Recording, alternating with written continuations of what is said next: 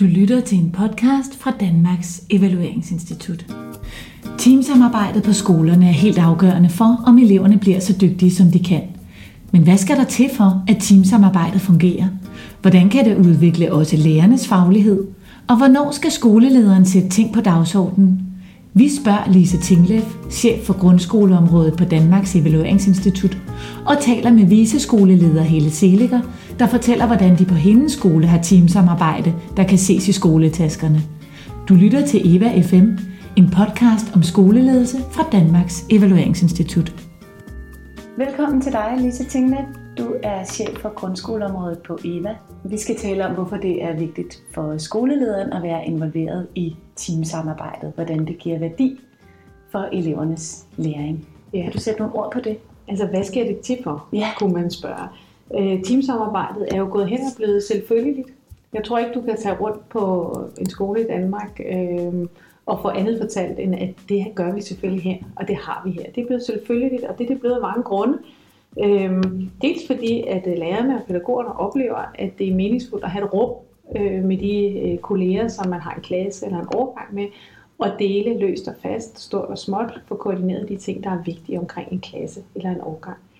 Men det er det også blevet, fordi der er kommet, teamsamarbejdet er også blevet selvfølgeligt, fordi der er kommet mere og mere opmærksom på, at det faktisk også kan være en rigtig god anledning til, at man som lærer eller pædagog bliver dygtigere til sit arbejde.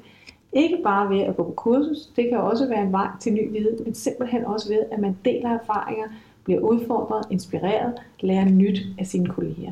Så teamsamarbejdet er efterhånden også blevet øh, et rum, eller ambitionen med teamsamarbejdet, kan du sige, er efterhånden også blevet et rum for lærernes og pædagogernes øh, løbende øh, kompetenceudvikling tæt på praksis. Og det der jo så hele tiden er det store spørgsmål, det er så, fungerer det så som sådan et rum? Øh, har det den betydning? Øh, er det et sted, hvor man bliver øh, klogere og dygtigere? Øh, og er det meningsfuldt? Er det ikke bare et sted, vi sidder som lærere og pædagoger og siger, nu bruger vi tid på at holde møder igen?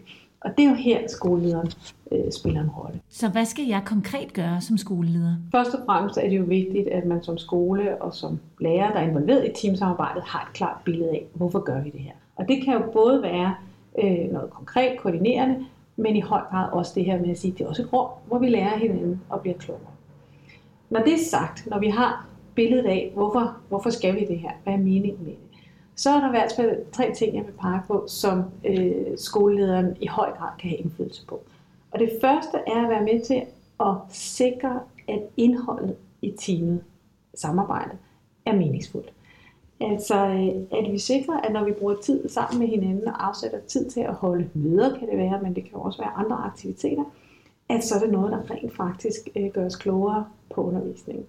Og flere lærere fortæller om, at det sker jo, når vi får lejlighed til helt konkret at arbejde med undervisning sammen. Det kan være planlægning øh, af det næste temaforløb, vi skal have om vores by, hvor vi simpelthen bruger noget tid på at snakke om, hvorfor har vi det her tema, hvordan kan de enkelte fag spille sammen på en god måde, hvordan er det, vi vil arbejde med de forskellige aktiviteter for eleverne. Det kan også være øh, i en situation, hvor vi sammen evaluerer undervisningen og siger, nu får vi simpelthen talt om, hvordan øh, fungerer det på tværs, at vi begynder at arbejde mere systematisk med litteratursøgning i de forskellige fag. Hvordan er det? Hvordan, hvordan virker det, de metoder, vi har lært eleverne? Oplever vi rent faktisk, at det arbejde, de laver, bliver mere meningsfuldt, mere kvalificeret? Og der, der kan du sige, jamen sker det ikke bare af sig selv? Jo, det sker mange steder af sig selv, men andre steder er det også øh, vigtigt og betydningsfuldt, at skolelederen er med til at sætte rammerne for det at sige, sådan her kunne vi gøre. Nogen har også gode erfaringer med at øh, systematisk arbejde med at observere dele af hinandens undervisning, og på den måde give hinanden sådan faglig, kollegial, didaktisk øh, feedback. Og det kan skolelederen jo også være med til at sætte rammerne for. Så gør indholdet meningsfuldt er det første element. Hvad er det næste? Det andet øh, element i det, det er jo også, at øh, det her med at arbejde sammen med kolleger på et fagligt øh, kvalificeret måde, pædagogisk og didaktisk, det, øh, det kræver jo noget. Og derfor er det andet punkt, jeg vil pege på, at sige, at skolelederen har også et ansvar for, at, øh, at man som fagprofessionel i skolen løbende bliver dygtigere til at gøre det her. Og hvordan gør man så det? Det gør man jo først og fremmest ved at prøve det. Men man kan også gøre det ved at blive inspireret af andre, få billeder på, hvordan gør andre det her. En gang imellem har man også brug for ny viden, ny fagdidaktisk viden, som man kan bruge og bringe i spil, så man på den måde bliver en kompetent øh, kollega, som kan vejlede eller inspirere eller udfordre sine kolleger. Så lederen skal altså sikre et, at indholdet giver mening, to, at teamet har de nødvendige kompetencer. Hvad er det tredje? Det er at sætte lidt mere fokus på fagteamsamarbejdet.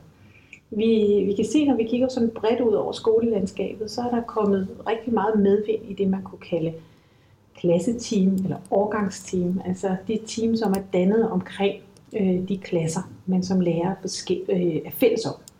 Og det er jo typiske lærere med forskellige faglige øh, ekspertiser. Der er jo en dansk lærer, en matematiklærer, der er nogle naturfagslærer osv.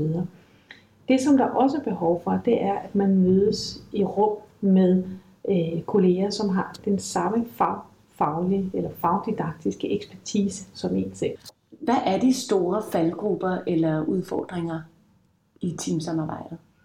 Den klassiske udfordring i teamsamarbejdet, som jeg tænker, de fleste lærere vil pege på, det er, når teamsamarbejdet udelukkende kommer til at handle om det praktiske, koordinerende, det aftalende, det som lærer kalder, øh, og det som lærer kalder, vi taler om børn. Der er ikke noget galt i det, hverken det praktiske og koordinerende, eller det at tale om børn. Det er en vigtig del af et lærerliv. Der er en masse praktiske ting, der skal koordineres. Det er også vigtigt at kunne få læsset af, når man har haft oplevelser, øh, udfordrende oplevelser med børn. Men udfordringen består jo i, at der ikke også bliver plads til at tale om, hvordan kan vi så arbejde med at udvikle undervisningen? Hvordan kan vi gøre det endnu bedre? En anden udfordring, som, som jeg vil pege på, som vi bliver mere og mere opmærksom på efterhånden, som flere og flere lærere og pædagoger gør sig erfaringer med teamsamarbejde, og flere også bliver dygtigere til det her, som vi kalder at have fokus på elevernes læring, eller arbejde med at udvikle undervisningen, det er, hvor tæt kommer vi så på det konkrete arbejde med at udvikle undervisningen. Ofte sker der det, at man ikke kommer tæt nok på, at man får talt om, kan du sige, rundt om undervisningen. Det gik godt, der var en god stemning, alle var aktive, det virkede udmærket med de aktiviteter, vi satte i gang osv. osv. Og det kan jo være gode ting at dele med hinanden. Men hvor ofte sker det, at man kommer derhen, hvor man måske tager fat i et konkret elevprodukt, ser øh, på den her tegning, som eleven har tegnet af de mest dominerende konflikter i Europa, eller hvad man har arbejdet med, og tager en evaluerende snak om, i hvilken grad lykkedes det os rent faktisk at gøre dem i stand til at arbejde med de her faglige begreber, vi havde lært dem i historie- og samfundsfagsundervisningen. Hvor tæt kommer vi på den tilgang, som den enkelte lærer har valgt til at instruere øh, til en konkret aktivitet for eksempel, får vi fortalt hinanden, jeg valgte at introducere til den her øvelse sådan her, så så åbent eller så så lukket. Det virkede måske hensigtsmæssigt for nogle andre elever, ikke for andre. Hvorfor? Hvad kunne jeg gøre anderledes? Hvor meget åbner man af sin, kan man sige, sin underviserværktøjskasse og beder om input fra andre kolleger? Det er på flere team en, en udfordring at komme tæt nok på. Og hvilken rolle kan lederen tage for at sikre, at det sker? Her vil lederens rolle ofte være at være med til at give nogle idéer til, hvordan kan man gøre det? Altså, hvordan kan man tale om elevprodukter? Hvordan kan man tale om bestemte måder at rammesætte og instruere i undervisningen på? altså være med på teamets møder? Eller, eller henvise, ofte vil det jo være at henvise til nogle dygtige folk. Det kan være nogle vejledere, det kan være nogle eksterne konsulenter, det kan være noget litteratur. Det er ikke nok bare at sige, at vi skal tættere på undervisningen. Det handler også om at få noget inspiration til, hvordan kan man rent faktisk øh, gøre det. Så når jeg som skoleleder har lyttet til den her podcast og tænker, at jeg vil gerne øh, styrke mine teams på min skole, øh, så de bliver bedre samarbejdende, stærkere fagligt, oplever større følelse af mening. Hvad gør jeg så allerede i morgen? Allerede i morgen tror jeg, jeg vil starte med at, at stikke hovedet ind til de første teammøder og spørge lidt øh, til, hvordan det går og hvad de arbejder med. Øh, noget af det, der måske har fungeret godt, for et halvt år eller et helt år siden, er der behov for at justere lidt på det igen? Skal vi tale om, er det stadigvæk meningsfuldt at arbejde på den her måde? Hvordan kan jeg styrke det på den lange bane? På den lange bane, der er det jo at sætte sig nogle øh, mål, nogle ambitioner for, hvad er det, vi vil kunne med det her teamsamarbejde. Vi skal ikke bare have teamsamarbejde på den her skole, fordi det har alle de andre. Det skal vi have, fordi at øh, vi får en bedre undervisning af det. Så sæt nogle langsigtede mål for at sige, nu vil vi have de her fagteam til at fungere. Vi vil prioritere tid til dem, vi vil prioritere noget ekstern vejledning, supervision, så de kommer til at fungere rigtig godt. Vi vil sørge for, at der er nogle løbende faglige input, for eksempel. Eller vi vil kaste lys på vores overgangsteam eller klasseteam og sige, Nu skal vi arbejde mere systematisk med, at vi ikke bare taler sådan rundt om undervisningen og taler sådan i løse og faste vendinger, men rent faktisk en gang imellem får lagt undervisningen på bordet og talt om, hvad var det, der skete i de der gruppearbejder, da flere af eleverne lavede nogle kortslutninger, da de arbejdede med de her tekster. Hvorfor skete det? Hvordan kan vi hjælpe hinanden med at gøre det øh, endnu mere hensigtsmæssigt næste gang? Så, så det at have fokus på enten det, det almindelige didaktiske på lang sigt, hvordan bliver vi bedre til det, eller det fagdidaktiske, det kunne være oplagte langsigtede mål. Det gode teamsamarbejde kommer altså tæt på undervisningen. Her lærer man af hinandens viden og erfaringer og dykker ned i elevernes konkrete produkter. Nu skal vi møde Helle Seliger fra Herlev Byskole, hvor teamsamarbejdet er selve fundamentet i at drive skole. Det kræver tid og prioritering, og indimellem også en ledelse, der provokerer. Men til gengæld virker det for både lærere og elever. Vi er taget Herlev Byskole, øh, hvor vi sidder her sammen med Helle Seliger, viseskoleleder på skolen. Og det er rigtigt, jeg er viseskoleleder på Herlev Byskole, og jeg er den nærmeste faglige leder for overbygningen, det vil sige skolens ældste elever, deres lærere og pædagog. Og I er jo en skole, hvor I øh, virkelig har sat teamsamarbejdet i fokus, øh, hvor ledelsen er med på alle teamledere, og øh, som du siger, teamsamarbejdet skal kunne ses i skoletaskerne, det er der tydelige mål for. Hvorfor har I øh, sat teamsamarbejde så meget på dagsordenen hos jer? Vi har sat teamsamarbejdet på dagsordenen af rigtig mange grunde. Og en af dem er, at øh, undervisning er måske en af de mest komplekse opgaver, øh, der eksisterer. Og at vi tror, at øh, der skal en holdindsats til, hvis vi skal lave en skoles øh, kultur, som understøtter, at eleverne bliver så dygtige, som de overhovedet kan, og at vi kan bryde den negative sociale arv. Plus, at man kan jo som privatpraktiserende enlig lærer ikke se sig selv udefra. Så det er sådan en grundlæggende tænkning, at der skal en holdindsats til. En del af historien er også, at øh, Hallo Byskolen, som er en skole på to matrikler, vi blev sammenlagt for syv år siden, øh, i den forbindelse, der øh, valgte vi meget hurtigt at sige, at vi arbejder ud for fælles værdier, ud for fælles vision, ud for fælles mål, fælles retning, og at samarbejdet på tværs af de to matrikler skulle være bærende. Det er det, der skulle understøtte sammenhængskraften. Og det var både på elevniveau med venskabsklasser, men det er også på de professionelle niveau. Og ret hurtigt fik vi øh, sat i system, at de professionelle på tværs af matrikler på årgangsniveau fik mulighed for at mødes, erfaringsudveksle og samarbejde.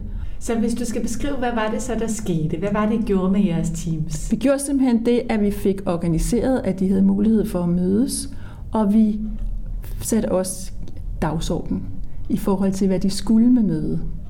Øhm, vi har igennem de sidste par år understøttet teamsamarbejdet på tværs af årgangene ved at øh, sikre, at de havde nogle gode rammer at øh, arbejde indenfor. Vi har valgt at bruge det, der hedder Teams 5R, hvor teamene får formuleret, hvad det er, de skal med teamet, hvilken retning de skal, hvilke roller de har, hvilke rammer de har, og også hvordan de agerer, når de er enige og uenige. Så det er, det er altså noget et ledelsesgreb? Det er et ledelsesgreb, at vi simpelthen har besluttet, at alle team mindst en gang om året skal igennem den her model og få sat ord på, hvad er det, vi gør med vores team, når vi lykkes. Øhm, og det er selvfølgelig et dynamisk stykke papir, som man hele tiden kan redigere på, men vi har også oplevet, at man via de diskussioner og refleksioner også er blevet skarpere på, hvad er det, det her skal føre til. Hvad er det, vi vil med hinanden? Så den udfordring, som man hører mange teams har, hvor man kommer til at tale praktik frem for undervisning og didaktik, det er ikke noget, I kender til hos jer? Så enkelt er det nok ikke. Nej. så enkelt er det ikke. Fordi vores team har også øh, praktiske gøremål, og arrangerer også ture og taler også elever. Men det er ikke kun det, de gør. De skal også udveksle erfaringer og have de pædagogiske refleksioner. Og det, der er pointen, det er, at de også skal udøve undervisning sammen. Vi har organiseret det på nogle forskellige øh, niveauer. Vi har det, vi kalder det store overgangsteam, og det er dem, der er på tværs af matrikler.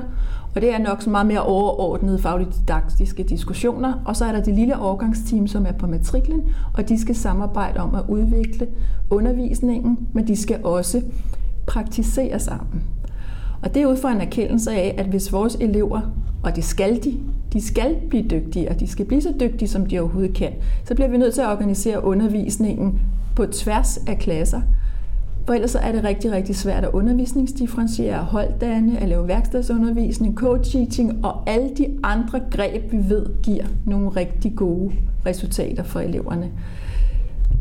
Det lykkes for os, når vi arbejder på tværs af klasserne, det vil sige har et årgangssamarbejde. Så det vores øh, årgangsteam skal, det er, at de skal udvikle undervisningen sammen. Når jeg så er med som leder i forbindelse med, at øh, der er årgangsteamsamarbejde, så går jeg lidt på to ben. Fordi der er det ene ben, der hedder at udvikle undervisningen, sætte fokus på læringen, og så er der det andet ben, der er at understøtte de professionelle læreprocesser. Så det er jo de to ben, man som leder hele tiden navigerer på eller går på, når man skal understøtte teamsamarbejde. Og I har jo ledere med på øh, samtlige teammøder. Som udgangspunkt, eller vores mål er, at vi er med på samtlige øh, årgangsteammøder. Og det lykkes i stort omfang. Øhm, det lykkes, fordi at vi har valgt at prioritere det rigtig, rigtig højt. Så hvor meget tid bruger du på øh, teamsamarbejde? Af din tid, hvor meget tid går der? Det ved jeg ikke. det kan jeg ikke lige sætte tal på. Er der noget, du prioriterer fra for at kunne bruge tid på at være med på teamet? Der er altid noget, man bruger mindre tid på, hvis der er noget, man bruger mere tid på. Men man kan sige, at der, hvor det hele peger i samme retning og giver mening, og understøtter målet, nemlig at udvikle skolen, så kan man sige, at undervisning og læreprocesser bliver så optimale som muligt, så er der jo ikke meget, man kan prioritere fra. Så jeg tænker, at det handler om øh, at være knivskarp på øh, at få løst opgaverne inden for et eller andet estimat, som man beslutter sig for, og så prioriterer tiden til at have de her diskussioner øh, og at være tæt på. Hvornår ved I, om I lykkes? Det er jo så spørgsmålet, øh, fordi man kunne sige, øh, kan vi, skal vi kigge på vores øh, eksamenskarakter? Skal vi kigge på vores trivselsmåling? Skal vi kigge på, øh, hvordan man øh, øh Øh, samarbejder i teamet? Skal vi kigge på, hvordan teamudviklingssamtalerne forløber, eller medarbejderudviklingssamtaler? Der er jo rigtig, rigtig mange data i spil. Vi har valgt at sige, at øh, resultaterne er rigtig vigtige. Elevresultaterne er rigtig vigtige. Vi har en kæmpe forpligtelse i, at vores elever klarer sig så godt som overhovedet muligt, så de kan komme videre i livet. Ikke bare videre på en uddannelse, men også i det hele taget videre som mennesker.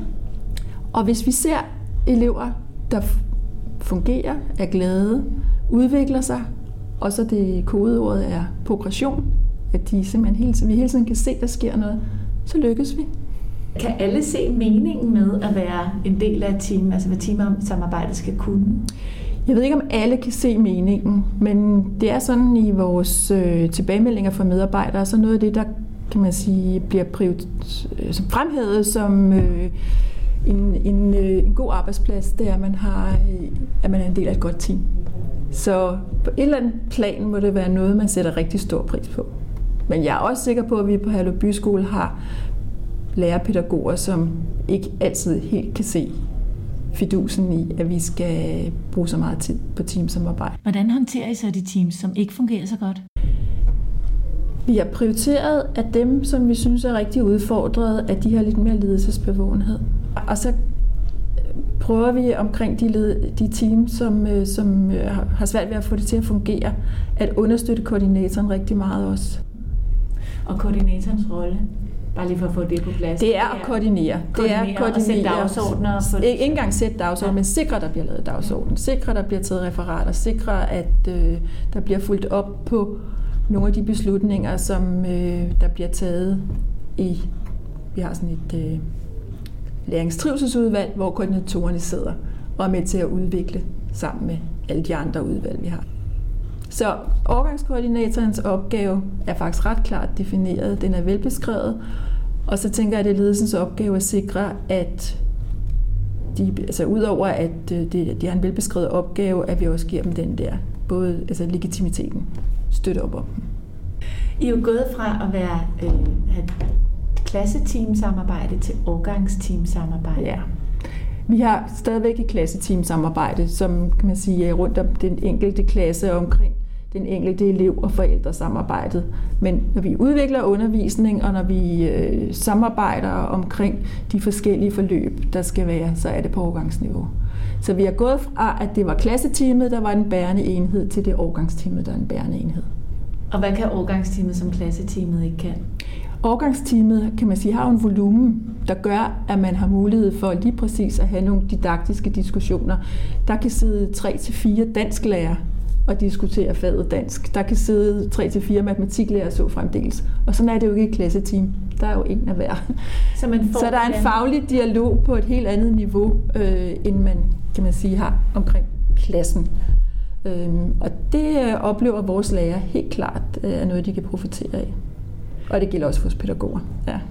Hvad har de store udfordringer været ved at, ved at etablere jeres teamsamarbejde? Der er masser af udfordringer. Når mennesker mødes, og når de samarbejder, så er der masser af udfordringer.